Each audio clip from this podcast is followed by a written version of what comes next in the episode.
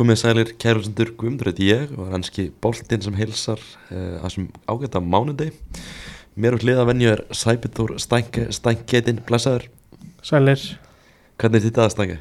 bara góður Búin að fara til Vestmanni og Já, flottur að ég kíkti til útlanda í gær og er komin aftur bara og heill á, hvað heill á húi sem það ekki bara góður, sko, Það er svo gott að fá það aftur sko, það ekki frábært. Og mót okkur er Orri Freyr Rúnarsson, uh, fjölmjölamæður. Hvernig ert í dagari? Herru, bara ljómandi góður, það var smá stress að koma mér yngi á réttum tíma en það er svona hófst næstu því Tókstu á endanum? og hinga er ég komin Uh, þessi, þessi helgi að ennska boltanum, hvernig svona bara fannst þér hún heilt yfir? Bara góð?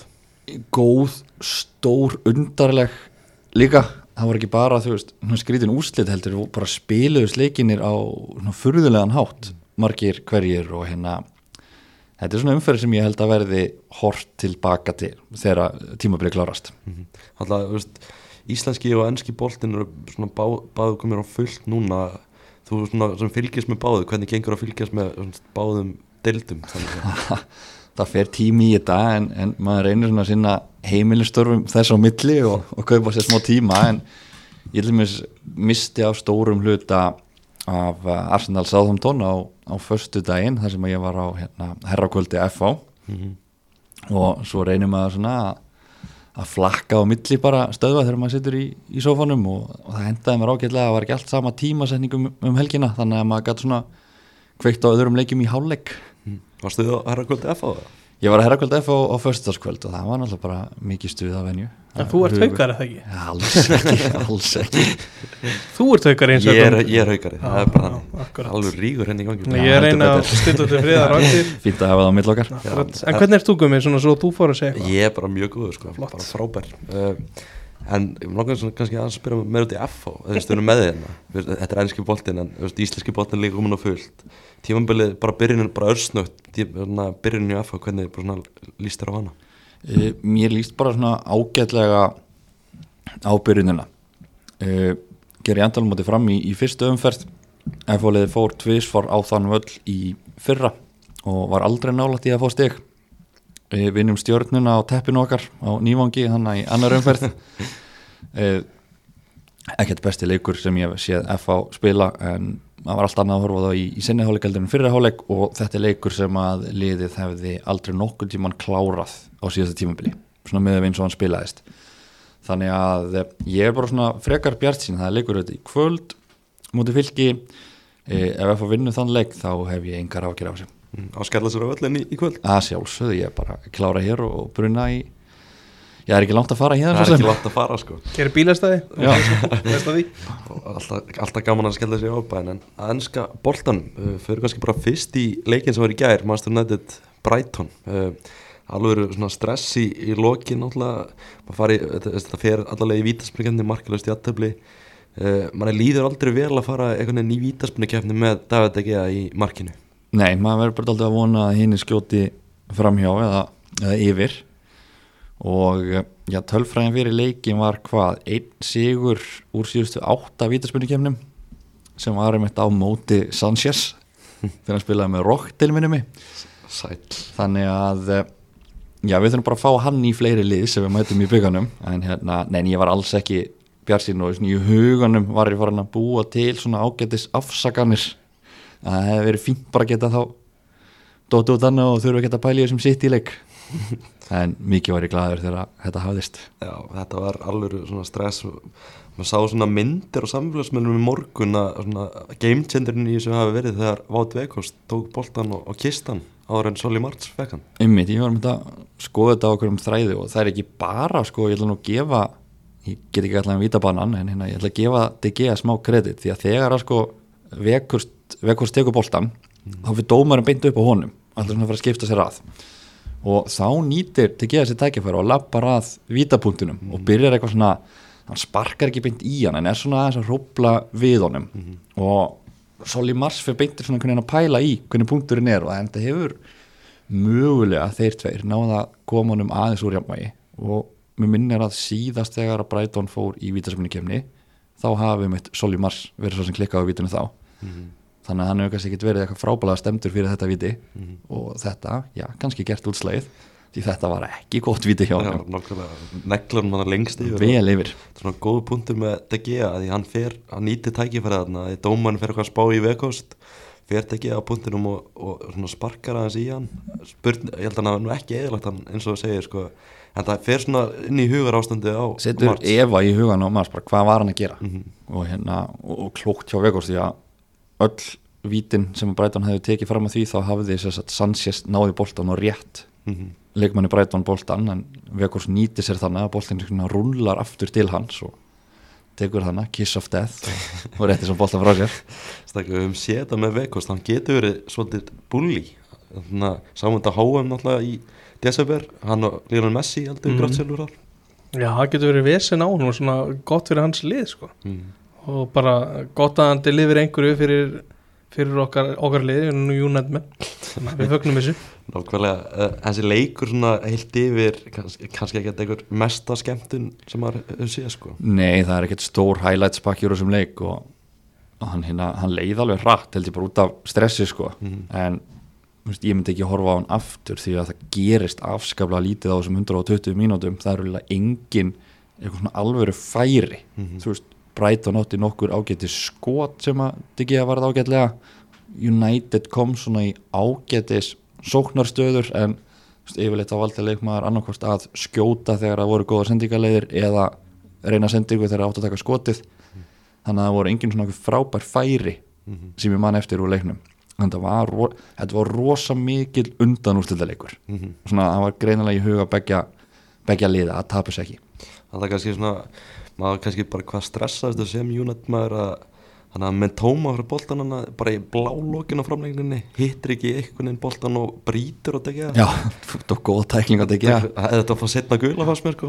Það var svona, svona aðal færi sem Brighton fekk uh, svo náði hann að Diego Dalot að bjarga einu sinni þegar ég man ekki hvaða leikmaður breyta hann var sem átti hræðilega snertingu þannig inn í deg nákvæmlega. Það var svolítið bara þannig en mér var svona aðal máli í þessum leik að, að Harry Maguire þurfti ekki að spila í miður í þessum leik. Nei og þú veist, ég get alveg sé fyrir mig auðvitað er náttúrulega það ræðir alla United stuðningsmenn að vita af Martínez og Varan mittum Mhm.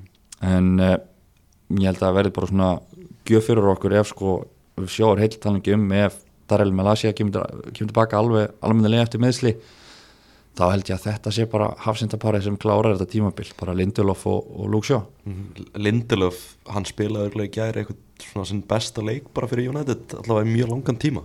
Já, hann bara stegvart og alltaf klárar þetta síðan með þessu geggjaða viti í lokin. En hann var bara þetta er ekki búin að vera auðvelt tímabil fyrir Lindelof hann er búin að vera svona já, flakka á milli þess að vera þriðji og allt niður í 50 hafsend í rauðinni það fyrir svona eftir hvort að Ten Hag sé að spila Shaw þannig eða ekki.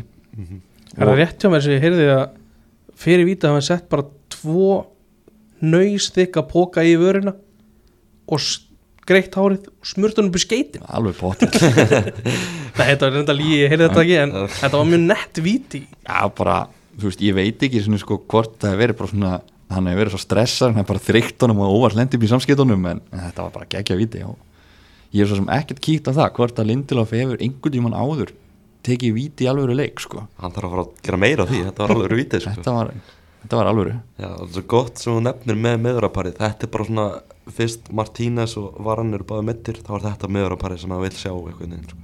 já ég held að sko, greið Harry Maguire segi því að það hefur bara ekkert gengið upp fyrir hann á þessu tímabili og náttúrulega toppurinn var náttúrulega þannig fyrirleikurinn á móti Sevilla að þú veist hann var ekki svona nálað boltónum og tek samt að jafna leikin fyrir þá. Þetta er bara svona það er bara þetta tímabil hjá honum í, í nótskun og alltaf Harry Maguire sé ekki svona bara leikmaður sem þurfa að hafa sjálfstyrsti í lagi til að spila sin leik og, og það, hann er ekki með það þannig. Nei, við með guður Það þarf ekki bara að skoða svolítið tilbaka í framistuður Lindelöf og Maguire saman hvort að það sé að afsaka eitthvað svona gaggrín á Lindelöf bara eftir þetta sko. Jú, mögulega, annarlega þú veist m, breytir miklu máli bara sem hafsend hver er, hver er hliðinu er en við skulum heldur ekki taka af þeim að, að þeir áttu saman eitt frábært tímabil þar sem Mm. að, hvað var ekki, United sem fekk fæst mörg aldra liði dildinni lendi í öðru sæti á sig Mhm.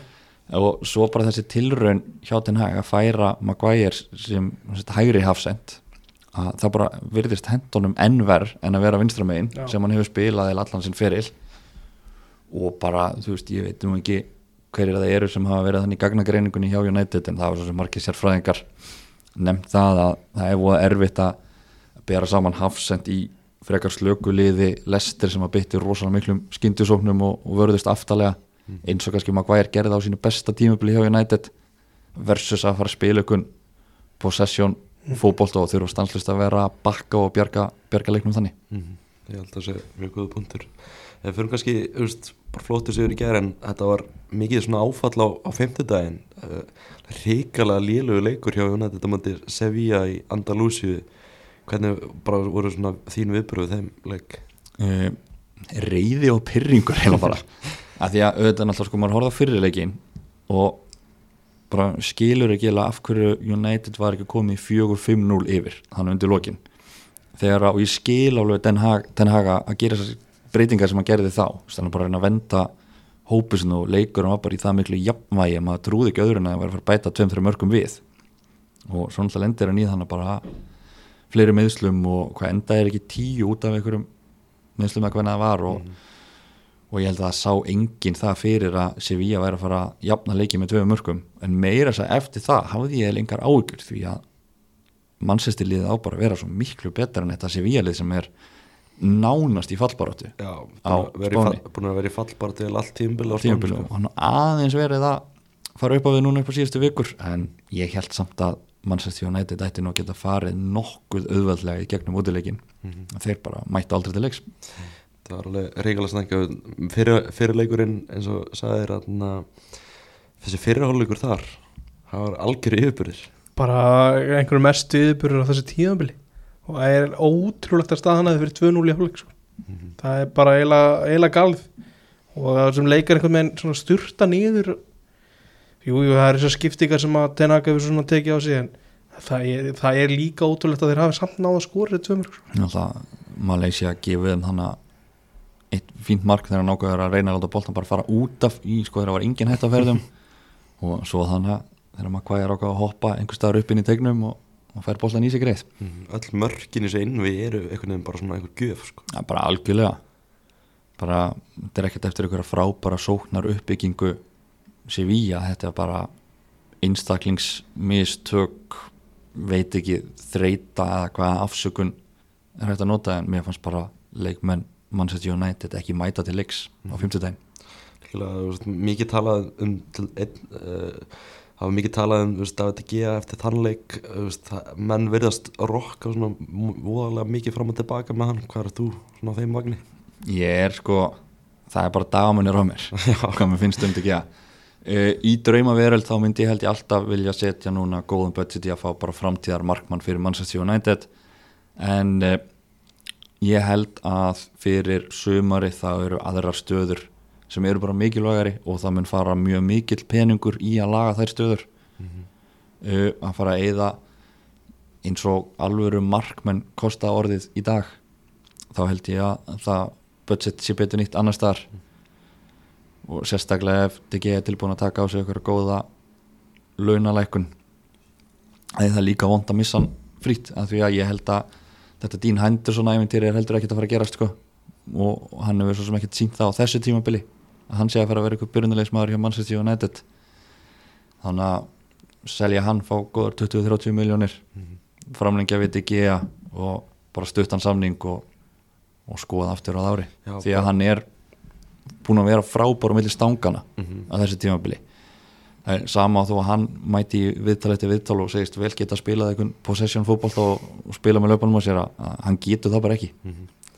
Það sást í þessum séu ég leika að hann getur það ekki. Það sást algjörlega og, og ef hann á alltaf að gera tilurinn til þess þá þarf hann að vera með drúlega eina hafsendin sem getur tekið á móti boltum frá honum og skilaði mafsi sem er Martínez. Já, hann var líka alltaf að geta verið með þetta outlet í Luxio út í vinstramenni sem hann elskar þetta lopp út, út á bakverðin sko. Ég sá, sá, ég sá svona side to side myndband af því þegar Maguire er að taka við boltanum og þegar Martínez er að taka við boltanum það er bara heimin og haf sko. Er bara, en fyr, mér finnst þetta svolítið vera þannig að það er náttúrulega hljóta öll, öll þessi stóri liði vera að skora, skoða hvað það kostar að fá Magmanjan í sína ræðir það lítur að, þú veist, United lítur að senda eitthvað fyrirspurni sko. Mhm. ég, bara, ég trú ekki öðru já, já, hann verður, hann verður dýr og þú veist þetta eru, maður hefur líka séð fullt að liðum brenna sig á því að vera að fá nýja markmennin. Að það er bara það er eitt að spila ágætlega með þú veist renn í Fraklandi og síðan að koma í ennsku úrvastildina í stærsta félagsliði heiminum undir allri þeirri pressu. Þannig að veist, eins og staðan er núna byrjum alltaf að sjáum við sjáum veist, hvaða sóknamann við getum fengið veist, sem eru góður 100 miljónir punta. Og bara ef það er til afgangu fyrir markmann sem er betur en DG endilega. Myndir þú taka Manuel Neuer í dag, 2-3 ár já, já, Já, ég held það. Mér, mér líst vel á þetta. Þú er þið spenntið Það fyrir er myndi Ísland alltaf taka Neuer bara, bara um leið ef það er í bóði en ég meina það, kannski Ólöf kannar enn í fílu við þannig að þetta skýðast þannig að ég veit ekki. Kannski möguleik A- Alveg verið leikast þarna í Ískalandi bara Já, En þannig að nefnum svona aðra stöður maður er svona liggur beinast við sóknumannstæðan, nýju staðan. Og sá frétt í dag að Telegraph United er, að, er færið að skoða svona fyrstu skrefin í að kaupa Harry Kane frá þóttunum mest talað um Harry Kane og Viktor Osimhen hjá Napoli. Er, hvað svona, vilt þú freka sjá í United? e, þetta er Viktor Ossimann mun meira spennandi kostur og bara eitt besti framherri í heiminum í dag allavega á þessu tímabili. Ég veit bara ekki þú veist, það verður ógeðslega erfitt að sannfara Napoli um að selja hann og þú veist, hann er núna í mest spennandi sóknarliði trúlega Európu um þessa myndir en Guðmund Almóttur hvað hefur verið til að sjá hann í United-tröginni en að samanskapi þá myndi ég alveg vel sætta mig við Harry Kane, mér finnst það vera aldrei svona Robert van Persie kaup. Og hann kom bara og treyð okkur þannig einst ekki titil sem ég myndi alveg taka fagnandi í dag. Maður veit líka að sko Harry Kane er ekki leikmaður sem að hefur byggt sinn fyrir á að vera snegstur. Eða þú veist líkamlega upplöfastur þannig að ég sé hann ekki fara að dala eitthvað hratt næstu 2-3 árin. Ég held að hann getur freka verið svona ykkur Benzema Lewandowski típa sem bara veist getur dreigið svo það hans aftar aftar á völlin dreifta hann spilinu og sé hann bara mættur inn í box. Hann klárar færi, hann skorar allstaðar á vellinum og hann ætlar sér að ná í markamætt Alan Shearer. Og ég, ég bara ég sé hann ekki fara út fyrir England og þú veist, hann bara hans ekki búinn að pakka saman núna eftir þessa helgi hjá tóttinum því að það er bara búið. Já, og maður getur svona ímyndað sér Harry Kane og Marcus Rashford að þeir myndir ná að tengja þessu vel saman sko. það er bara geggjað sko. En það sem að þarf þá að gera náttúrulega Daniel Lífa er náttúrulega eins og leiðilegast að díla við. Það er bara að senda inn tilbúð og það er bara deadline á því. Og ef ekki þá bara snúa sér að ykkur öðru. Ég ætla ekki að fylgjast með og refresh alla miðla eins og maður gerði hérna með Frenkie de Jong til að glukkin lokaði. Já, þannig að það er bara að klára hann að sókna mann sem fyrst. Þetta er veist, erfitt að þú ert með Tottenham og svo ertu með Napoli sko, þú ert með, eins og segir Daniel Levi og svo ertu með Aurelio Di Laurentiis hjá Napoli sem eru báðir alveg frekar erfiðir í viðskiptum sko. Já, þú, lífaði er náttúrulega erfiður, hinn er náttúrulega bara eitthvað veikur. Það er samanskapið erfitt að eiga með hann en vandamáli er að ef hvorur þeirra kemur þá verða held ég öll önnur kaup vissvombri mm er- þetta er bara svolítið þeir tveir sko. þetta eru þeir tveir svona er það ekki bara að vera quick fix þá eitthvað sem er óþólandi en að því að Kane er að losna þetta á samningi sko. Jú, algjörlega sko ég, bara, ég trú ekki að Daniel Lífa ætli að trista á að Kane skrifa undir einhvern bræðabyrðarsamning til að þurfa ekki að fara frýtt því að ég held að hann hljóti að vilja fara að pröfa eitthvað annað. Já, hann líka það þarf ekki að hugsa um það að vera að borga félaginu eitthvað tilbaka Nei. hann er löngu búin að því. Já, það er bara þannig. Uh, veist, er, ef þeir tveir kom ekki hver er, veist, hver er þá næstur og blað veist, er það vekustinn bara áfram? Vekur hann, já, hann kannski ekki setja þrjú næsta sísón ef hann færa tímabili í galum, er hann laus eða? Já, nei, það er sko, ég veit ekki, ég er ekki rosalega spenntur að fara í einhvern ungan og, og reyndan að tala um hérna Gonzalo Ramos Já, og, Sesko og Benjamin Mm. Sesko og, og fleiri, ég er því ekkert eitthvað gríðarlega hrifin af því núna því þú þarft bara að fá fram hérna inn sem þú getur bara farið fram á sig að skora að minnstakosti 20 mörg í deiltelst og það eru bara ekkert margir framherjar í heiminum sem eru að fara að gera það. Og veist, það er kannski eina fyrirvarin sem maður setur á Vittur Ósjumann því maður hefur séð sko þvílíku jólasveinana skora 25-30 mörg þannig seri A og geta síðan ekkert þegar að koma til Englands. Mhm. en hérna hann bara lítur svo vel út bara að ég sé ekkert því til fyrirstöðan ætti ekki að brillera á Englandi. En að maður sagði það saman svo sem um Lukaku. Já, en bara Ollie Watkins 60 miljónu punta á borðið. Já ég myndi taka hann. Hann Sérðu, ég með þriðarlustnin Já, hún þriðja er komin er en uh, eins og segir með Ossimenn maður hórt á þessu leiki á Napoli maður hefur bara séð þessi gæi er eitthvað önnur skeppna Það er bara skemmna og bara með því eitthvað stökkraft, hann er snöggur, hann er góður að koma sér í stöður, hann getur sko, veist, hann er náttúrulega langmæst að skora bara inn í teig en hann er bara ótrúlega flinkur að koma sér í færiðar og klára þau. líka bara svo, svo svona sprengikraftur í honum eitthvað með þannan skrokk það er rosalega að segja það. Það er, og svo myndi ég verið vilja hafa, þú veist, það er ekkert líð að fara að eigða einhverjum pening í að kaupa Marshall af okkur. Hvað þá á þessum launapakka sem þeir á. Þannig ég vil líka bara, veist, bara höldum honum og þá ertu bara með hann sem backup því að hann er ekkert, hann er ekkert að fara að spila eitthvað 38 leikja tímabil aftur. Ég held bara skrokkurinn á honum höndlið ekki. En það er alveg heimin að hafa á milli United þessu tímabili þegar hann er inn á versus þegar hann er ekki því að hann líka bara flottir að spila með bakið upp að marki einna snertingar spilið milli hans, Rashford Bruno og Antoni er að virka vel.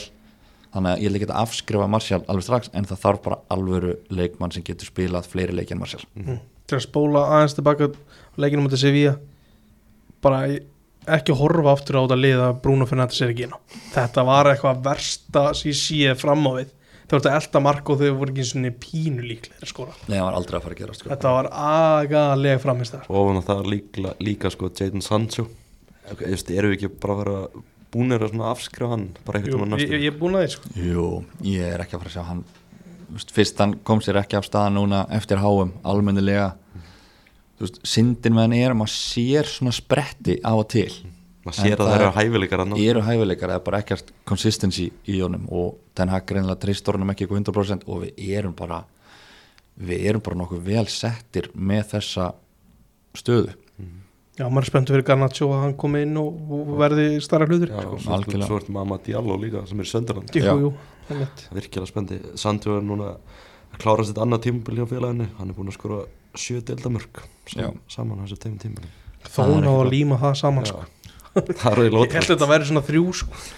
það þrjúi fyrir á fjögur núna. En hann er bara, þú veist, við erum með sama vandamál með Sancho og marga aðra leikmenn í þessu blessaða liði að ef þeir verða seldir þá verða það með miklu tapi og United mun ald, halda áfram að borga stóran hluta af laununum þeirra. Þetta hefur verið, verið rekstra mótili þetta er, þetta er ekki besta rekstra mótil í heiminum. Það er kannski að öðrum förum í uh, eitthvað annað en United það er kannski bara svona að gera upp svona fyrsti tímabil hjá Ten Hag uh, þetta hafi verið svona hæðir og læðir í þessu hvernig svona bara lí- líst þér á, á bara framhaldi með hann sem stjóra? Verður ánægð með fyrsti tímabili Já, ég er alveg ánægð með fyrsta tímabilið, þú veist. Neikvæði punktanir eru kannski að liðið hefur átt mjög slaka leiki inn á milli, en að þú skoðar sko fyrirlands hjá Ajax þú þegar að Ajax tapaði eða töpuðu, þá töpuðu þeir mjög oft stórt. Það er bara svona, svona ef leikiplanum virkar ekki, þá virkar það bara alls ekki og hérna hverju sem því erum að kenna sko. Og það eru svona veist, hlutir jákvæðir að skoða sko, þá leikmenn sem hann hefur fengið til liðsins, þeir virðast vera að virka bara freka vel og bara fyrðu vel. Og eftir þú veist einn til tvo alvöru transferklukka í viðbútt þegar hann hefur bara komið alltaf með sitt lið þá held ég að þetta getur orðið alveg lið til að berast um titla aftur. Sem að veist, stemdi alveg í á einhvern tímapunkti á þessu tímabili þegar maður var farin að láta sér dreyma um sko, hvað, vinna fimm titla og tekur Bangkok hana með. En hérna gleymum honum ekki nei, fyrsti titlun hans. Þannig að það rættist ekki alveg en það eru búin að vera svona jákvæð merki, svo þarf bara þú veist að fara að hugsa út í það. Þú veist, þetta er annað tímabilið þjá Varan og hann er búin að detta í, þú veist, slæmiðsli í rauninni bæði þessi tímabil þú veist, búið að vera betra núna en þetta er núna í annað sinn sem hann er frá í einhvern tíma háum pásan bjarga okkur alltaf á sín tíma. Að hvort að þurfi, veist þriðja alvöru hafstendin hann með ef við ætlum að beila á Lindelof og Maguire. Mm, algjörlega. Uh, eru við að horfa í þrennuna? Bangkok, Century Cup, League Cup og FA Cup? Já, það ekki, það er ekki, verðum ekki að gera það það getur allt gert í úrslitalegjum það er bara það er ekki þessi úsleikur um mann, mann City þetta er svona eitthvað sem mann hefur, dreymt um að spila úsleikum á þeim er það, er, er, Þetta að tala um svona 2005 sitt í lífið Já. 2005 City lið ég hérna ég já ég veit það ekki eða eins og þú veist að þegar þetta lið tapar þá tapar það stórt Mm.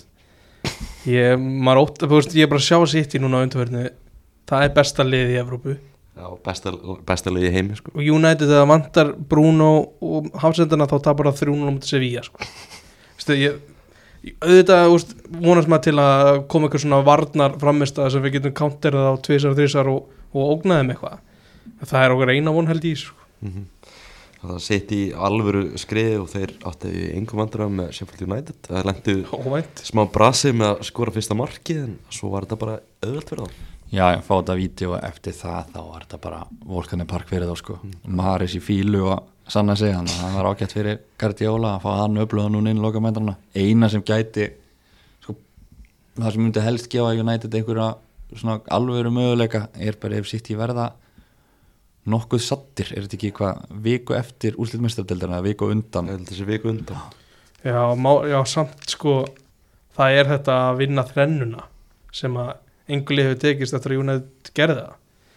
Ég, ef þú þarft eitthvað á motivation sem bara við ætlum að, það ætlum að taka þetta af þeim Guardiola að nærði alveg held ég sko en þú vonandi já að, að þeir verða eitthvað með, með hausinn annar staðar held ég, ég held að það sé að eina sko svo eru bara, sko, úrslitaleikir eru oft óbúslega furðuleg Mm. fyrirbæri Mhm. þannig að svona líka gefum henni vona það getur allt gerst í poppa einu Úrslitaleiki. spjalt fyrir eitthvað glórulegst atrið Já. og eitthvað svona og talar ekki breytun um þetta er Magic of the Cup Já, sem er þessi FF byggar ég ætla ætla að gíska að verði fleiri á vellinum þegar United og City mætast en þegar United, nei þegar City mæti Sheffield United á lögatæg það verði ekki pakkaðu völlur Já, það voru mörg tóm sæti þannig á lögatægin það var aldrei sært já, sýttistöðnismunum fannst þetta náttúrulega ekkert merkilegt. Nei, komast eitthvað undarslu og hvað á Sheffield United?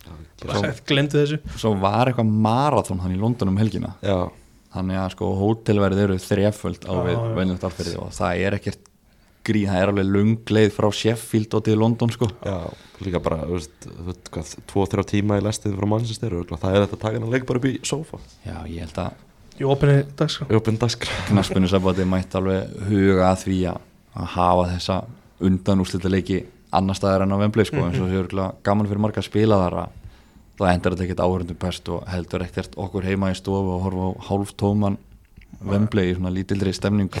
Það var þetta ekki uppselt United Brighton? Jú. alltaf var meira fólk á vellum þá. Um, svolítið í ennsku úrástöldina núna. Það var náttúrulega áttaleiki þar um helgina. Maður er svona að horfa á það eftir helgina uh, City. Þeir, eins og segir Stanke Mm. Besta lið Evropu þessar myndir Þeir eru að fara að taka þessu deild. Já, þú heldur það. Þetta er, þetta er svo stór leikur núna á miðvikudaginn að það er, þú veist, þetta getur el, elst svo rætt ef maður einhverju svona yfirlýsingar núna en eins og þetta er að spilast þá er ekkert sem bendir til annars en að sitt í klári þetta og bara þú veist, jafnvel að þú veist, ef Arsenal gefur enn frekar eftir þá getur þetta bara orðið bara sannfærandi sko. Það Arsenal uh, menn, Arsenal stundismenn hafa talað svolítið um það á síðustu vikum að jú, þetta er í þeirra höndum en það er ekki þannig lengur eftir, eftir leiki helgarinnar Þeir eru- Þetta er, jú, jú, þetta er ennþá í þeirra höndum Nei, að muna það bara ekki? að muna fimm stigum og sitt í á tvo leikti góða Já, þeirra, en þessi leikur mot Já, Arsenal já, og ég meina í það þegar þeirra þeir, höndum þá getur það bara unni leikin Já, sko. þetta er tæknilega sér í þeirra höndum eða þeir Já. vinna sitt í uh, Það verður náttúrulega erfitt að fyrir að fara á Eti að taka þrjú stig þar sko en að samanskapur þetta í höndum City þegar þeir vinna já, já, þetta er bara Já, be, já. begge höndum í raunin sko. Er það er gefið eitt stig fyrirfram þá vissulega, jú, þá hefur þú veist, í þessum leikum átti sitt þá er Arsenal ekki lengur með þetta í þessum höndum. Sitt í næri jættöflum með Arsenal Þá eru þeir með þetta í sínum höndum. Já. Það er þannig. Þannig að Arsenal hefur svolítið þú veist, Þeir eru búin að vera á tóknum eða allt tíðanbilið en upp á síðkast eru búin að klúður þessu svolítið. Þrjú jættöfli í röð Mátti Liverpool þar sem við komast 2-0 yfir Missaði niður í 2-2 Vestam þar sem við komast 2-0 yfir Missaði niður í 2-2 Og svo Southampton á heimavelli. Þar sem þeir komast ekki yfir. Þess að þeir maður held einhvern veginn að þetta eru auðveld þrjústið fyrir þá. Já, bara klárt. Já, við erum bara eins og deildinni spilast það hefði átt að vera bara fulltir virðingu fyrir sko Liverpool þá hefði þetta sko nánast að þetta vera bara nýju auðveld stig. Já. að minnst eitthvað stig sex auðveld stig. Já, nákvæmlega. Vestan búin að vera ég fall bara út eða allt tíðum aðeins svona kveiknaðum núna en eins og segir þetta hefði átt að vera allavega 6-7 stig út úr þessum þrjumur leikjum. Vestam var að koma úr Evrópuleik í Belgíu með sitt besta eða marga á sínu bestu mönnum allavega. Veist, og í þessum leik þá er þeir eða bara með sér sterkasta lið fyrir utan það frá póldingar hérna í miðurunum og svo tekur miklar teta þá ákvöruna, skrítnu ákvöruna að byrja með Fabio Vieira á Já. miðjunni. Ég held að Arsenal menn séu alveg trilltir yfir þeirra ákvörðin Það Þeir sjá að lítið í sko. honum sko hann er ekki búin að gera mikið á þessu tíma Var þetta ekki valið svona svolítið millir hans og Horginjú Jú. Fyrst að Sjaka var ekki með Horkinjó er ónútað varmar uh, spurning líka bara hendur út spilum til sáðundun heima allir hendur ekki bara trossart bara með byrjunlega Ég haldi það sko. Jú, svo náttúrulega hugsaðum þetta þannig að þú veist, ef þú ætlar einhver tíman að þú veist, að því að náttúrulega lókur ljóst að Sjaka var ekki að fara að skata ekki spilað og það var einhver leikur sem hann hefði geta dreist við era, það hefði það kannski verið sáþöndun á heimavelli. En Sjaka er líka bara svo fáránlega mikilvægur þessu liði, hann er bara svo góður í sérstaklega þegar bakverðin er að fara upp þegar sín Sjekkon fyrir eitthvað upp þá er Sjaka svo góður að detta nýður að kofera svæðið fyrir hann mhm, sem að bara aðri leikmenn gera ekki þegar hann er ekki með. Mhm, nákvæmlega. Uh, Arsenal lendi þannig í ansi í kröpum dansi vel hendi undir eftir eitthvað hvað, 30-40 sekundur Mhm. uh, Alcaraz og svo skorar sjálfur því volkott á gamla heimahallin það gaman að því. Já, Volkott er svona turning back the hvað years sem það ekki, þannig að hann var hann að minna á það Það að- Hann er ennþá að spila í deildinni sko. Og svo minkar Arsenal munin komast aftur inn í leikin uh, tvö eitt í hálfleik og svo skorar Dúi Kaletta Kar krótiski miðurinn kemur sáðan í 3-1 Já, hvað hann kom inn á fyrir middan Jan Bednarek. Skorar þriðja markið. það er svoleiðis. Arsenal næra komið tilbaka og jafna í 2-2 höfðu þannig 8 mínútur til að jafna, vinna leikin uh, það tókst ekki alveg að þeim Thomas Partey, hann átti algjöran hauskupu leik aftur. Og mjög lélur á mútið vestan. Hann er ekki búin að góður på Það síðan sem er kannski ástæðan fyrir að hann þórði ekki að fara eitthvað svona ólátt og takka eitthvað hliðin og partegi á miðinni það getur Já, verið, já. hann var bara lélur á mútið vestan sko. maður sér að veist, mikilvægi djúpa miðmannsins í þessum þú veist, bestu liðum á Englandi það er svolítið mikið og þegar partey dettur niður þá dettur einhvern veginn bara svona allt liðið niður einhvern veginn. Já, bara algjörlega, þetta er bara úgeðslega mikilvæg stað, maður hefur þetta séð bara eins og United munurinn á þegar Casemiro er versus þegar hann ekki. Mann til fyrsta tímabilið hans Rodri hjá Manchester City þá lendið þeir oft í bölvuðu brasi þegar hann var bara vittlust staðsettur og var að taka hlaup þegar hann átt að sitja tilbaka og, og svo framvegis, þetta er bara staða sem það tekur smá tíma að læra á og öll í ennsku úrvástildin eru bara þannig að þú ert ekki að gera hlutin rétt þá tapar mm -hmm. partey alltaf að reyna að vera heta hann í lokin með langskoti hann setti boltan í rauð seta Já. þetta var bara svona kórunaði umlæðan leik hans einhvern veginn og Arsenal lið Uh, búið, eins og við segjum, búið að vera í miklu vandram upp á síkasti og maður veist, ég held alltaf að þetta, að sé eiginlega bara komið á sitt ég er alltaf þessi eh, leikur á, ég, ég, held að hausin sé bara farin hjá Arsenal sko. Já. það er bara einhvern veginn þannig og Arsenal fan TV er vaknað aftur og þetta er bara komið í sömu gömlu, gamla fílingin sko. Hvað, ert, ertu búin að rekna hvað er mörg stig niður í þriðasettið? já, það er aldrei að fara að gerast gleymum því þetta, eins og segja, þetta er bara komið einhvern veginn þú veist, Arsenal mann, mann er líður bara eins og þeir séu búin að missa hausin einhvern veginn sko. Já, við erum bara pressan er bara og mikil verist vera og þetta eru alveg bara eins og ég segi, þetta eru þrýr bara vinnabó leikir sem er klúra Táandan og heima þetta er slagast að liði í deildinni sko. Já, það er bara svolítið hannig uh, Þú sér þá töflun ég sé það á töflunum sko. Þrjú stig upp í næsta sæti þeir, eru, þeir eru búin að vera á botnum heldur lengi líka sko. en samt fullt af leikmennu í þessu sáðandumliði sem að ég held að önnu lið geta alveg vel hugsa sér að kaupa þegar þeir falla sko. Já, náttúrulega svona efstur af þeim lista þessu nefna er James Hart Prowse og Romeo Lavia, þeim. þeir eru mjög spennandi náttúrulega kaupi bara James Hart Prowse til að taka auka spennum geðveiku sko mm -hmm. uh, Arsenal, náttúrulega þessi leikur sem er framöndan núna í vikunni hvernig eru við að sjá hann fara? Ég held að þetta verður bara svona ofbóðslega solid tveggja marka sigur City Mm -hmm. þeir munum bara gera þetta af ykkur fáranleiri fagmennsku og bara klára þetta Mm -hmm. ég á rosalega erfitt, ég veit ekki hvaða ljósapörum Arteta ætlar að kveikja á í klefa til að móti vera liðið en þetta verður erfitt fyrir þá að fara þarna og, og vinna Spilar örugglega Blue Moon líka Oasis, tekur, eit- tekur eitthvað góðuleg en ég veit ekki, svo stundum sagt að segja, þú veist, betra að fara, þú veist, sitt ég fenn alltaf, þið fara ekki inn í leikin með það huga að fara jafntefli eiginlega dugar þeim. En kannski hendar það Arsenal ágætlega að fara inn í leik og þú veist, það er bara dúar dæg, þeir verða að vinna. Já.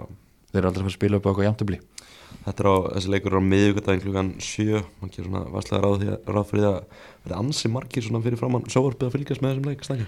Já, ég myndi að áallega það á miðvíkudaginn Þetta er bara geggjaðu tíminn sko. Þetta er bara geggjaða tíma, þetta er örgulega bara frábær, frábær leikur en ég ætla ekki sko að City vinna þetta nokkuð þægilega, ég sammálaðir þar orði, þetta verður góður sigur á City. Maður sér einhvern veginn ekki aðsannlega möguleika með hvernig þeir eru að spila núna sko. Nei, það er hæpið eitthvað með veist, og líka eitthvað að reyna að kveikja á þeim en það vantar ennþá í lið. Þú veist, ef verður Sjaka klár verður Saliba er vantarlega ekki klár. Saliba er ekki með. Nei. svo náðu við núna Guardiola bara svona, minna sér hvað það er að taka ekki hún síðust í tíu leiki sem bara út getur sagt, City hafa bara aldrei spila betur á þessi tímanbili og hann náði að kveiki einhvern veginn á endanum á Jack Grealish algjörlega sem bara setti þetta lið á eitthvað annað level mm. Hann er búin að, mínum að þetta er búin að vera að vera besti maður bara eftir áramót sko. já, bara sammála því búin að vera frábær City hvað hefur ekki tapað leik núna síðan 5. februar þegar maður til tóttan og þeir eru að vinna þessi leiki líka bara svo sannfærandi. Já, þeir eru búin að geggjar upp á síkasti og það er svona e- einhvern veginn mjög erfitt að sjá Arsenal stöða og líka mað, þegar maður horfir á svona framtíðar svona framtíðarprógrami hjá Arsenal næstu vikur uh, Chelsea heima, þeir ættu nú ekki að klára það uh, svo er Newcastle úti og svo Brighton heima. Þannig að þetta eru alveg frekar erfið leiki sem þeir eru að fá. Já. þannig að þetta verður erfitt og einhvern veginn, Arsenal eins og segir, búin að vera toppmjöla allt tímbil en núna er þetta farið að líta ansi ítla út fyrir það og maður á erfitt með að segja að taka tillin í lók tímbilsins það er líkandur ekki með því allavega. Mm, algjörlega.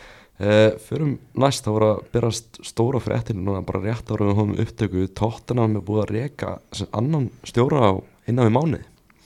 Uh, Kristján Stellini uh, sem var aðstofamæður Antonio Conte uh, var rekin, við fengum skilabú frá Daniel Stange, já, Daniel Lífæ Daniel Lífa hann var að byrta skilabú á samfélagsmiðlum. Það er búið að reka Kristján Stellini hann fekk fjóra leiki við stjórnvöldin vann eitt þeirra.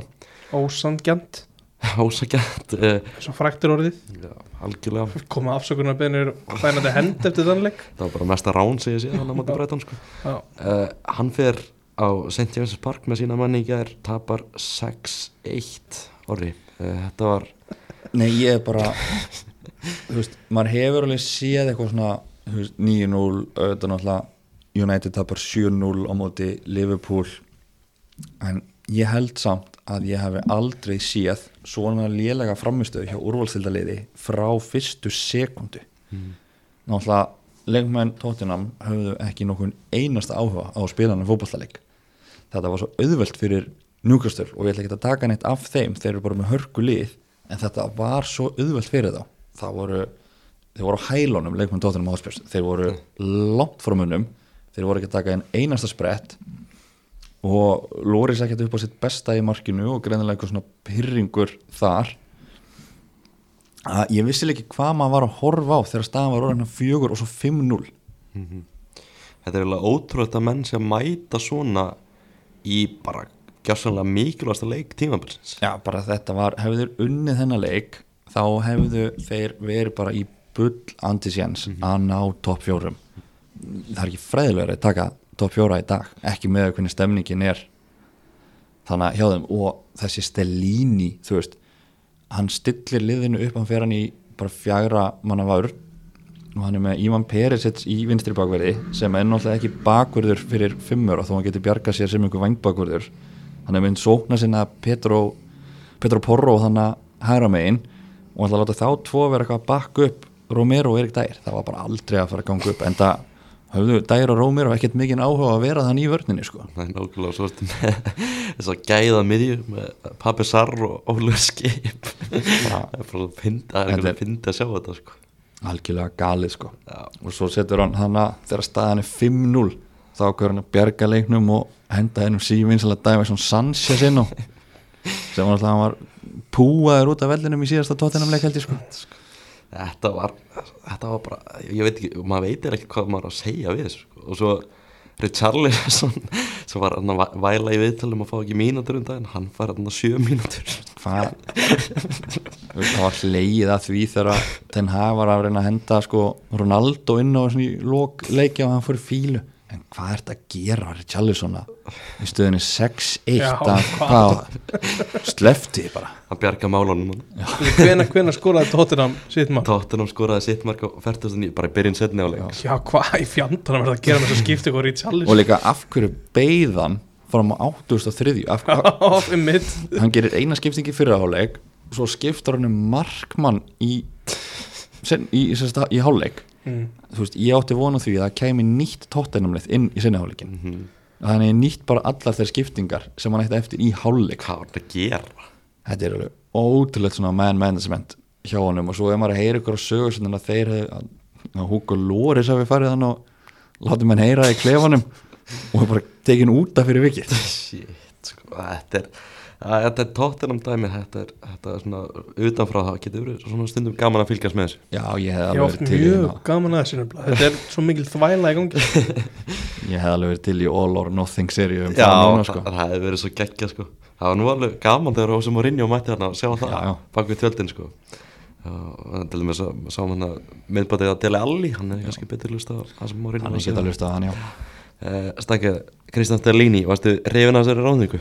Já, það gekk bara mjög vel hjá þeim og leit alltaf vel út og mjög sniðut að taka bara aðstofmann konti inn Það, Þetta var bara, þetta var döðdæmt frá fyrsta, fyrsta mómenti sko. Ég veit ekki alveg hvað þeir voru að pæla Þetta er eitthvað svo fáránlegt þú- Núna tekum við Mason við Já, ég, ég skil meira einhvern veginn, en ég skil það samt ekki að Chelsea fær Lampard af því að þeir hafa ekki að neinu að keppa á þessu tímabili, Mm. þetta tímabili búið hjá Chelsea, bara ok, Real Madrid, Emi var samt alveg annars sko. já, jú, jú, jú eins og þeir voru, voru líklegir að fara að vinna það. þeir voru ekki líklegir ég, það, sko. ég er alveg samlega því, þeir voru ekki líklegir en þetta er samt bara envi í mistrallinni Jú, jú, vissilega, og hann náði að sannfara menn nógu mikið til þess að vinna Dortmund í setnileik Ég held, að, ég held að Lamport hafi eftir á bara einhvern veginn í því einvið gert bara, bara náði einhvern veginn bara öll út úr þessu Chelsea liði en nema þeir náttúrulega, já, bara alveg eins og alltaf þá skoruð þeir ekki marg Þeir gátu bara ekki meira sko.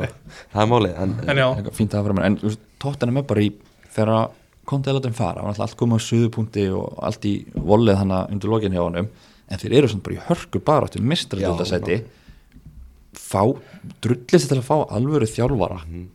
Látið hann klára tímabilið og bara reynið að semja einhvern veginn þannig að setja það losa sig við hann það er ekki að fara að ganga upp. En ekki láta bara þennan aðstofamann konti taka og ég misti ekki það að ég hafi eftir eitthvað mikla virðingu fyrir honum ára hann tók við. En þegar var þannig einu af fyrstu leikjunum mótið Brighton þegar það verið allt vittlist á bekkjónum og hann stendur bara um þess að býða til sex fréttum í útvarp það ekki reyfist ekki honum blóð og náttúrulega ógeðslega að finna hann að fengi raukt spjald fyrir það sko. Bara hafi ekki stjórn á sínu krú en þannig saman bara það er, ég veit ekki hvort það sé eitthvað varðið í hann mann sem þjálfara sko. Nei, veist, mér finnst svo ógeðslega skrítið við þetta að ég konti er reginn og kannski bara skiljanlega hann var náttúrulega bara örgulega búin að missa klefan eftir, hann, eftir þess að þrjumur ræðu sinni þannig að en að þeir ráði mann í staðin sem er bara bestu vinur konti örgulega bara, bara svona B eða C útgáðan af honum konti kemur með hann til félagsins. Það gerir þetta bara einhvern veginn ennþá skrítnara já, það verður heldur betur verðugt verkefni sem að Gretar Ram Steinsson fær núna þegar hann er einn aðeins maður hann er einhverju yfirmaður knaspunumóla því það er náttúrulega bara dæma yfirmann hans í bann. Já, og þetta er bara svo skrítið lið tóttinam ég vorkinni stuðnisfólki þess um þessar myndir því að ég held að þetta veri heldur ekkert auðvelt sumar hjá þeim. Nei. Það verðist ekkert vera neitt mikill spenningur hjá mörgum þjálfurum að að taka við liðinu. Einhverju sögum Nagelsmann, hann vilji taka við í sumar? Já, það talaði um það og þú veist, hann er svona bara svipið þá kannski tíma og þegar Pochettino tók fyrst við. Mm -hmm.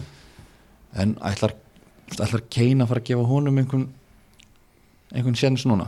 Sjá Já, er hvort það- það komi eitthvað, að því það er búið að lofa honum alltaf það, hérna, það er þessi að taka við, það kemur eitthvað nýtt. það er nýtt, svo þess að hann kemur núna hennar vinnur okkar Nuno Espirino Santos Mhm. hann, var aldrei að gera neitt með þetta lið. Nei, og ég held að það er bara að segja við Nagelsmann að Kane verið seldur. Þeir fá 100 miljonir fyrir hann. Já. þeir þurfu bara að byggja upp. Bara endur byggja þetta endur byggja þetta, þeir eru með alveg nokkra fína leikmenn. Mhm. geta alveg byggt í kringum marga leikmennana en það þarf rosa mikið nýtt og fest inn og, og þetta tóttinum síðan svona 4-5 árin er alltaf búin að vera þannig að þeir ná svaka hæðum í stöku leikjum svo springur alltaf allt í háa loft og þegar það gerist þá getur liðið bara ekki neitt þeir eru eins og þessi óbúslega háðir því hvað þjálfarinn segjur að leikur um með Já.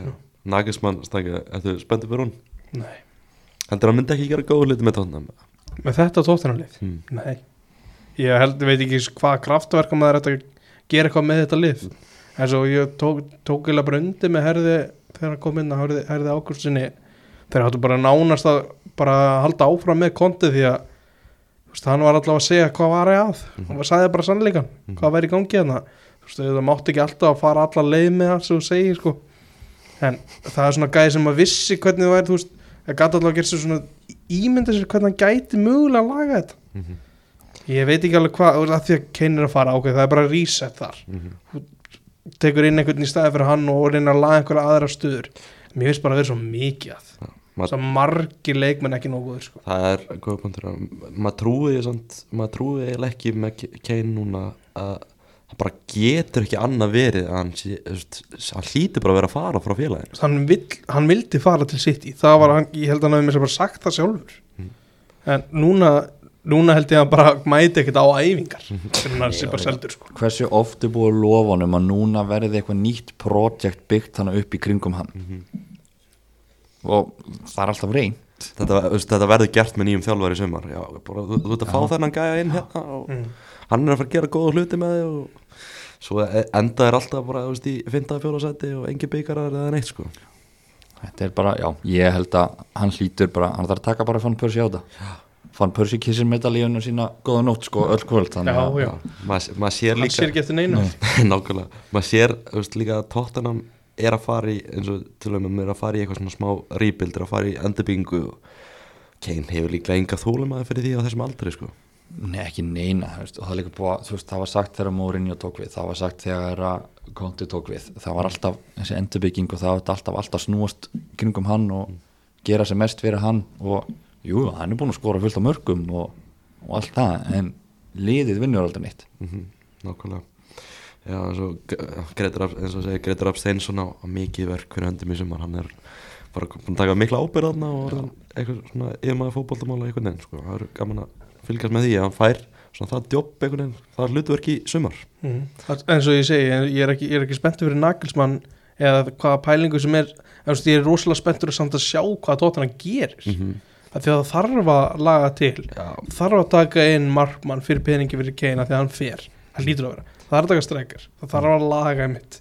Ímislegt mm Ég vona að það verði eitthvað gert fyrir á tóttunum maður að gerist eitthvað, gerist eitthvað mikið á félaginu. Og ég vona líka stuðnismenn sem skelltur sér til núkvæmsvöld ger fái endurgreislu Já, þeir hljóta endur gera þann Já, penning, sko. fá eitthvað, fá eitthvað au, aukalega ofan á það fyrir að að að horfa á þetta rusl uh, Núkvæmsvöld aftur á móti, þeir eru bara komnið bara í meistaröldina svona langleðana, lítur vel út. Lítið mjög vel út.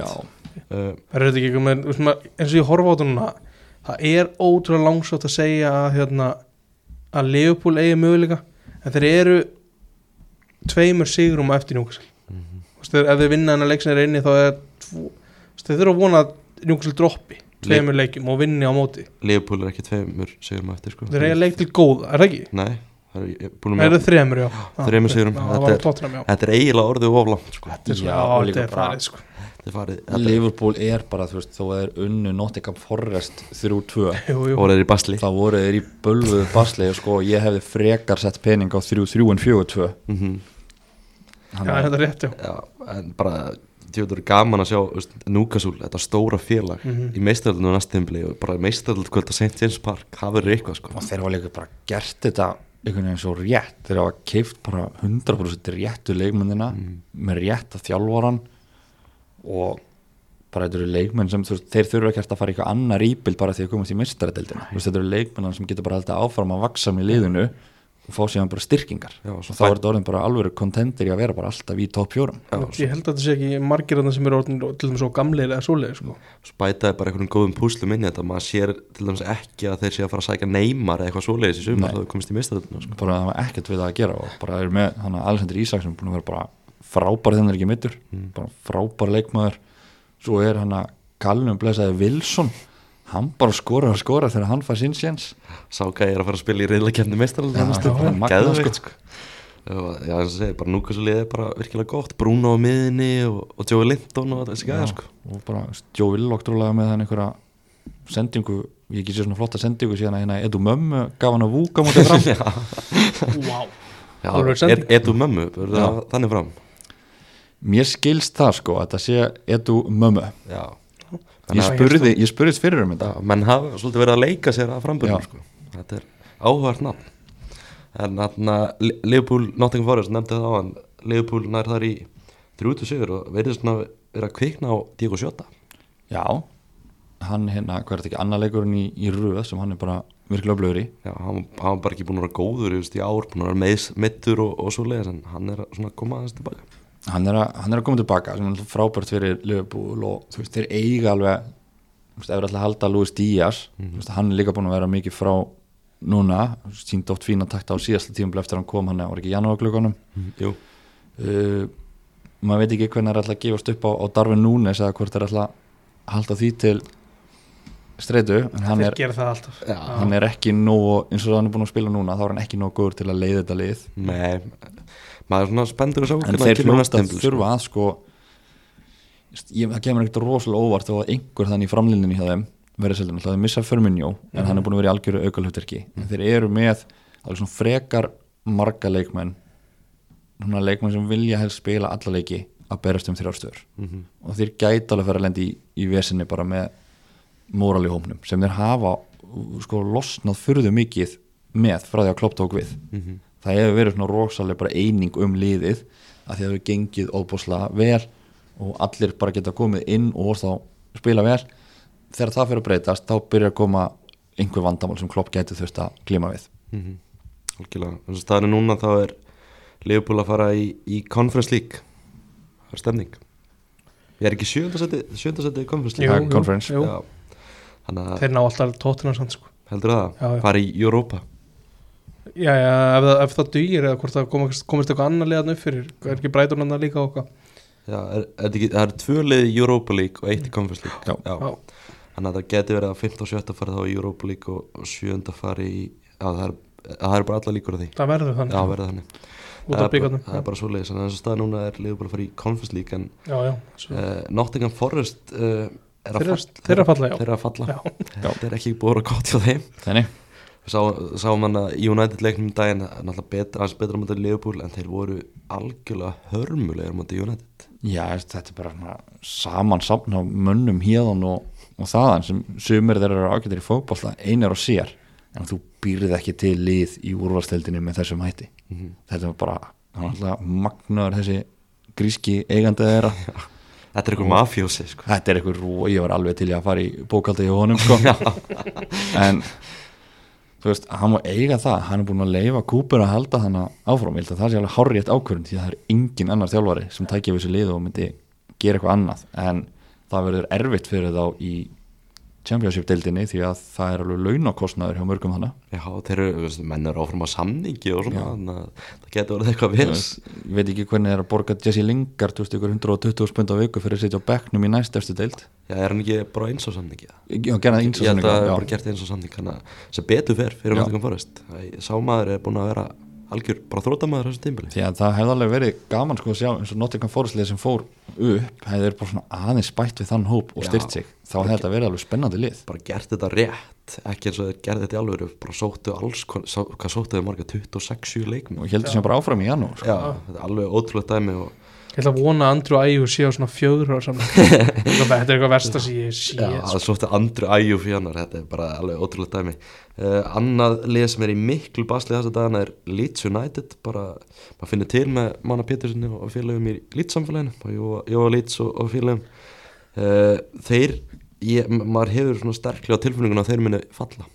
Já, ég nú hann hittir náttúrulega mána reglulega og hann er alltaf já, bjarsin á að hann lítið spjargi sér sko nema svona þegar það eru 15 mínútur búnar af leikjum þá er þetta liðlegasta lítslið sem hann hefur séð æfum sinni. Og þeir eru að fara að falla. En svo er alltaf sko bara mánu dögum er bara við erum miklu betur en öllu en þessu lið. Mhm. en þú veist, þeir bara get ekki unni fótballtaleiki lengur. Mhm. fúl hann voru nú ekkert sérstakir hann á lögadaginn en höfðu þetta samt. Já, við erum búin að vera að tapa þreymir rauðtöpu náttúrulega 5-1 á móti Krista Palace 6-1 á móti Liverpool Þú veist, get ekki hægt að fá þessi mörg akkurat núna. Þannig Nei, og, vond sko. og þú veist, þeir var með markmann sem bara hættir að geta varið, það er alltaf erfitt. Já, þetta er svo skrítið margmar með, með ég, ég, bara, ég næ ekki næ ekki alveg að staðsita sko. Akkurat. En þú veist, þessi fallbarata, þetta er svona einhvern fimmlega fallbarata núna Þú veist, Bournemouth og Wolves og West Það er svona búin að koma sér aðeins frá þessu ótrúlegt að Bormos er búin að koma hljóma sér út úr þessi svæði ak sko. Akkurat, sko, maður er svona að pæla bara veist, ég held sko að stiga með derbi væri bara í hættu þannig upp að tíma Já Þú veist, Gary O'Neill klárlega svona topp þrýr stjóri tímabilisins bara, Bara- hvernig hann er búin að vinna úr þessu sko. Er þetta ekki hann, hvað, Emery og svo Guardiola eða eitthvað? Emery, Er það ekki? Arteta Eddie Howe Akkur er Arteta? Þú ert ekki búin að segja að þeir eru búin að tapa titilbortinni Já, bara búin að þróa þetta lið áfram og eru búin að tilbara allt Týstum tímabilið. árangur. Annað sæti Myndir ekki að segja að Eddie Howe sé stöður tímabils Jú, hann fær alveg sjátt líka sko. Já, ég held ég myndir þetta á fyrsta Þú varst mjög sko. móti Emery sjáttunna Ég, ég, Það er fyrir bara til teppi hérna eftir. Já, hann er búin að gera frábæra hluti mark- Hræðilega stjóri, sagði þér. Nei, er gerði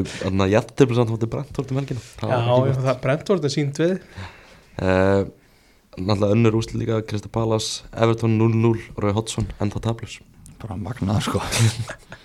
Eins og ég hlóa þessari ráðningu en sá hlær best sem síðast hlær sko því hann er búin að vera stórkoslegur hann Algjör, ég er bara vonað að fá áframhald þessar samninga Þeir eru svo mikil tómaður sko. Ég vil bara fá núna Neil Warnock eftir einn Já, fá hann aftur í Premier League Hann heldsmistar sko. Uh, Náttúrulega Leicester náttúrulega vinnur greiðlega mikilvæg sigur náttúrulega á Wolves í bóttbronni og koma sér upp í fallseti eru núna með jafnmörg stíu á Evertón en er með betri marketulegn en Evertón er í fallseti þess að er. Uh, þessi Sean Dice tilraun hún er svona aðeins að fara í vaskin sko. Byrjaði vel. Já, byrjaði vel. En þetta Svo ekki fjara undan þessu. Fjarað undan þessu og maður er ekki bjart sér fyrir hönd Evertón heldur sko. Þetta, Við rættum þetta mikið í vetur um hvernig þetta liða ætlaði sér að skora. Og núna eru þeir núna finna þeir enga leið. Já, þeir skora ekki mikið sko. Nei, fyrst er það málið. 24 mörg í 35 leikjum búin að skora langminnst í, ekki langminnst, búin að skora minnst í mm. deildinni, það er bara Nottingham, Forest og Soundon sem komast nálægt þeim og Wolves sem eru ekki marka gráðið sko. Þannig að það er bara eins og það er það vestam náttúrulega eru líka búin að lifta sér svolítið upp frá þessu eftir frábæra sérum átti Bormoth útvilli Bormoth náttúrulega eins og tölum um búin að gera flóta hluti en þeir lendu heldur betur hann í David Moyes hakkaðilin í gerð sko Já. Er ekki bara komið smá sjálfströst þegar þeir eru farinir að vinna þessa Evrópuleiki sem að, þú veist, eru að telja þessi útsláðagerfni Mhm. bara er, við erum miklu betri enn þessi lið Mhm. og vita það núna ég var mjög spenntur fyrir þessum Bormóð liðið hann á móti vestam það spenntur að ég ákvað að setja Dominik Solanke fram í fantasiliðið mitt. Það kom í bakið á mér því að ég var ekki að sjá vestam taka þann leik 4-0 á útöveldi Nei, maður ekki búist við þessu en bara ríkala vel gert hjá Vestamar já, Á ég held að þeir séu bara núna on a safe Mhm. getur bara að byrja að pæla í næsta tímabili. Klára dóllu, klára dollu, conference league. Já, þeir eru allir, allir takið þá keppnið mér finnst það líklegt. Kemur ekkert á Ekki- óvart þetta er ekkert sterkustu lið í, í Evrópu þannig ég mann reyndar ekkert hvaða lið eru. Fiorentína er hann Já, Vestam er í góðum möguleika þar En kannski hérna byrjunlið hjá Vestam, ég er svona hjó eftir þegar ég var að Mm. skoða þetta. Það var loksins ekkit verið eitthvað með eitthvað trúðslæti í liðsvali. Það var engin tíl og kerer eða eitthvað. Þetta var bara solid. Nei, þú veist, þetta er bara svona Þetta er bara besta liðið þeirra. Já, þetta er einhvern veginn svona byrjunlega eins og á að vera sko. Já. Mikael Antonio, Já. fremstur uh, Kannski svona áður við slútum þessu og kannski að nefna tvent uh, Undanúslinni meistaröldinni byrja uh, 9. mæ Ljóst hvaða lið mætast þar. Real Madrid Man City og svo AC Milan Inter Milan í hinnu einu einu Kannski ekki, ekki eitthvað sem að bjóstu fyrir tímabilið að AC Milan eða Inter Milan var að komast í undanúslit en þetta spilaðast einhvern veginn þannig. Annað þessar liða verður í úsliða leiknum. Hvern, hvaða úsliða eru þið að sjá fyrir ykkur? ég ætla að giska á að þetta verði því miður sitt í Inter. Mm. því að það er svo mikil nostalgía í því að horfa á Real Madrid AC Milan. Það er alveg geggjaður leikur sko. Það er leikur maður. en ég held einhvern veginn sko er vera svona smá meiri segla í Inter núna. Og meðan AC Milan er aðeins að dala. Og ég held að það er farað hans í hausin á Milanmönnum að fá hana þessi 15 stig hjá Juve aftur. Hvað, Juve komið fyrir ofa það þá í, í seri A. AC Milan er eins og staðar núna ekki í mestarlega ymmit sko þannig að ég held að þetta getur orðið erfitt þegar millið á Ítalíu en ég held að þetta verði erfitt fyrir það á móti Inter og þeir náttúrulega mættu svona hálf vangbrónu Napoli liði Mm. og voru sem hefnir og þetta Inter er náttúrulega búin að fara ykkur stórkosla leið hana í undanúrslitin Mhm. því að þetta er lið sem á bara ekki heima í undanúrslitum mistaradeldanar og AC Milan í raun ekki heldur Nei, maður, eins og ég segi, bjóst engafinn við þessu en þegar þú- segja Real Madrid AC Milan í hústöðuleik það er eitthvað mjög heillandi við það er hugsun, rosa heilland, það er leikur sem þú horfir á sko. Mhm, Það er klart mál. Stangi, þetta, hvaða leik vilt þú sjá í úsliðinum? Hvað leik vil ég sjá? Já. Ég vil að sjá hann að Real Madrid mann sem sitt í það en er, það, maður fær það ekki í gegn. Nei, í staðan fyrir maður bara að tvekja leika innvið, sko, það er gaman. Þessi lið náttúrulega mættust í fyrra. Þarna, var það ekki í undarústundum? Jú, gott Hvort og ekki það var í undarústundum Já, með áttalústundum Það var náttúrulega ótrúlega dramatík þegar Real Madrid Benzema kláraði það. tók hana Mm. kláraði einvinni hvað á sjö mínútum eða hvað það var sko Bara eitthvað Það ótrúlega allt sem sem að sé bendur til þess að í væri að fara áfram sko. maður er svona, það er svona góð, allavega góða líkur á því að maður sitt í sig að fara að vinna meistarölduna í fyrsta sinn í sögu félagsins en af hverju ég veit að þeir eru núna heitasta liðið í Evrópu en af, það er ekkit þú veist, það er ekkit gefið að þeir vinni real Nei, nei, það er alls ekkert Mér gefið finnst sko að vera bara 50-50 Já.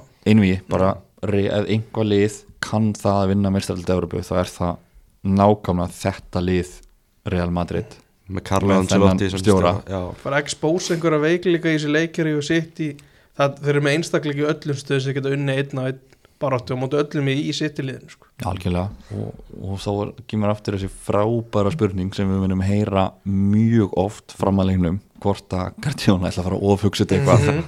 Hann er líklegur. Þetta er komið örugglega í hausin á honum að hann fyrir bara 4-4-2 bara Lars Lagerbæk bólta allan hendi ekki Ríko Lewis bara hann að miðuna eða eitthvað svo það var fyrir þetta sko. Nei, þetta var hrikalega skemmtilegt innví og svo er bara mistarallin líka þannig að þú veist Sitt geti klárað þetta og tapa svo á móti þessi Mílan í bara, það getur allt gæst sko ég myndi Já, ég, myndi, ég myndi ekki setja meiri pening á City en, en Madrid í þessu einví ég, ég skilða mjög vel Real Madrid er með svartabelti í þessari keppni þeir kunna að vinna þessa keppni sko. Þetta er bara eins og þegar að, þú veist, bestu lið Englands voru að mæta hérna Emery í Europa League. Það var alveg saman hvað liðan þjálfaði að það vann. Já, við erum búin að tala um það. til hann tók við ennsku lið. Já. Já, við erum búin að tala um það með Emery hann Þannig að fór í úrslitaleikin Mm. með þeim ekki Já, Emery náttúrulega með Aston Villa núna og hann er í sjötta seti og hann er á leiðin í Europa League. Já, að það er núna Þeir eru að fara að vera Europa League mestar það er nokkuð Það ljóst. er bara lík Það bara þannig. Ángríns. uh, svona loka að lokum sem ég vil nefna skemmtileg saga í ennsku edildinni uh, í um, helgina Það var einhver leikara sem eiga fél- félag það það var ekki leikar sem ég að fíla það Wrexham er komið upp í D-dildina í fyrsta sinn í langan tíma að vera bara í svona í deildakefni eh, meðal 92 efstulega Englands í hvað, fyrsta sinn í eitthvað 15 ári eða eitthvað uh, mér finnst það mjög skemmtilegt að fylgjast með þessu. Uh, Wrexham var ótrúlega gaman að fylgjast með þessari sögu á næstu árum. Mm. maður hefur séð svona náttúrulega Ryan Reynolds og Rob McElhenney sem er þetta félag sem eru fræði leikar í Hollywood. Þeir, núna, veist, þeir vissu held ég ekkert um fótbolta þegar þeir keftu félagi þeir eru núna bara, held ég, bara mestu fótbolta aðdöndu bara í heimi og ógeðslega gaman að fylgja þessu með þeim á, leikjum og, og svo leis Var verið að gera eitthvað tífi meðfram þessu það já, Já. það geð, geðu ekki þættir sem þetta held ég velkom til Wrexham Já, ég horfði að mynda á fyrstu seríunni Mm. og maður svona gæti ekki annað en að vera bara bólur með öllum hinnum og, og falla fyrir þessu Já. því að það er svo gaman að sjá að þú veist, þó að þetta eru séu leikarar og kannski eru þeir að blekja mig með einhverjum óskarsvælnandi leikana Mhm. en þeir eru bara kolfallnir fyrir þessu lífi og þessum bæ Mhm. og eru þannig bara öllum stundum og náttúrulega hágrétu þannig að báðir fyrir þetta álagsir í höfn. Og auðvitað þá er að benda á það að veist, þeir hafa sett náttúrulega gríðlega fjármenn í liðið og það er að borga mönnum alltaf mikið laun með að við deild en á móti kemur þá er það að fá miklu miklu meiri pening út úr þessu í gegnum styrtaræðala og þessa þætti og bara ströymur af túrisma núna þannig á vellinum hjá þeim. Þannig að þeir eru ennþá svo sem ég held ég ágætis plús á þessu verkefni en sponsorinn eru með TikTok og Expedia og alls konar stór fyrirtæki sko. þú voru eins og fræktir orðið með eitthvað traktora fyrirtæki á búningnum áður en þeir kefti þetta. En þetta er, maður er síðan alls konar fjárfest að fara inn í þessa deild og ætla að gera ykkur á stórkostlega hluti. Það er bara ekkert auðvelt. Þetta er, það er bara eitt lið sem fer automatist upp. Og með að við stigasönvin ég held að Rexans er búin að setja nýtt stiga með til deildinni samt er það bara einhverjum tveim-þreim stigum fyrir ofan Notts County sem er búin að vera stórkostlega líka og eru að setja eftir með sárt ennið það er alveg, þú veist, þú segir þetta sko Wrexham með 110 stíð og svo Notts County með 106 Já. þetta er alveg rosalega stíðasöfnur sko. og næsta lif neðan bara með 64 eða eitthvað bara.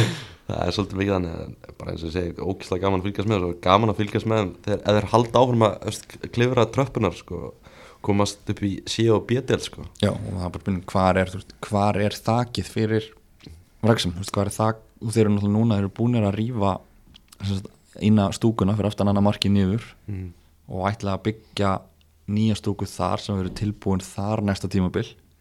Þá eru þeir komnir held ég með þetta er tíu ásmann veldur í dag ætla að fara ekki upp í þú veist 12 til 14 þúsund. Svo er náttúrulega fengur snildar markaðsetning hjá þeim því þeir eru alltaf að pæla í hvernig þeir fá mest exposure að fá Ben Foster í markið í síðustu Robert sem er ekki bara með GoPro í markinu hann var með í lokaleiknum myndavel á bara bringun á sér. Og hann er búin að vera dögulegur að dæla út þannig myndböndu með Ryan Reynolds og Já, Ben Foster og Ryan Reynolds þetta er alveg teimi sko. Líka bara, veist, þetta er bara svo veist, þetta er eitthvað svona styrlu hugsun bara Ryan Reynolds, veist, þetta er Deadpool og bara stór leikar í Hollywood að eignast eitthvað félag að brest fótboltafélag í svona lítilli borg í Wales Já, veist, þetta er bara eins og Bruce Willis myndi kaupa kvöt veist, þetta er bara þannig bær þetta er bara, þetta er basically bara bresku smábær þetta eru bara eitthvað svona þetta er bara, þetta er bara, sko. þetta er bara, ver, er verkamanna bær Já, og bara mjög gaman að á fólkinu í þessum þáttum sem eru liðsins þetta er eitthvað, veist, þetta er eitthvað sveita fólk í Wales og það er ógeðslega gaman að fylgjast með það er einhver málir þannig sem vinnur hjá bænum sem bara hann hatar lífsett svo mikið því að hann er búin að mála bara í 15 ár með sama gráa leiknum sem allar félagslega íbúður í bænum eru í. Já, þetta þetta er eina sem heldur hann á lífi það er þetta er, svo, þetta er, er máli með brest fótboltalið sko. það er svo mikið þannig fólki sem bara lifi fyrir fótboltan, það er svo gaman að því. Uh, með að skemmtilegt að sjá viðtölu nefnilega við, við á þarna Makalenni og Reynolds, voru að tala um Paul Mullin sem þeir Já. keftu, sem er sóknumar sem er búin að raða inn mörgum Reynolds talaði um hann sem er besta leikmann í heimi. Það er svolítið þannig sko. það er gaman að þessu. Uh, ég held að segja ekkert meira stængi það er bara góður, bara frábær, frábær endur þessu. Frábær endur á sig takk hjá að vera að mæta að fara takk heim. hjá fyrir mig. Og bara já, verður gaman að fylgjast með ennska boltanum næstu vikur. Klálega, leikir í miðri viku, spenntir. City Arsenal